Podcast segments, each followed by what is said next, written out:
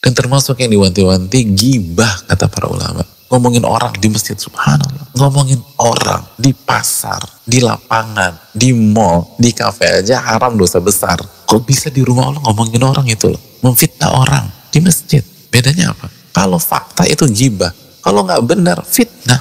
Kalau diangkat di masjid. Gak ada doa malaikat udah. Makanya kita harus tegas juga. Kalau kita mau dapat doa malaikat, begitu ada yang gibah di depan kita, mohon maaf kita jangan ngomong ini.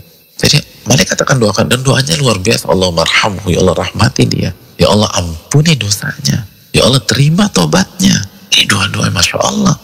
Kalau kita dengar kata-kata nggak bagus, kata-kata buruk, mencela, gibah, fitnah, dan teman-temannya. Itu membuat kita kehilangan doa malaikat.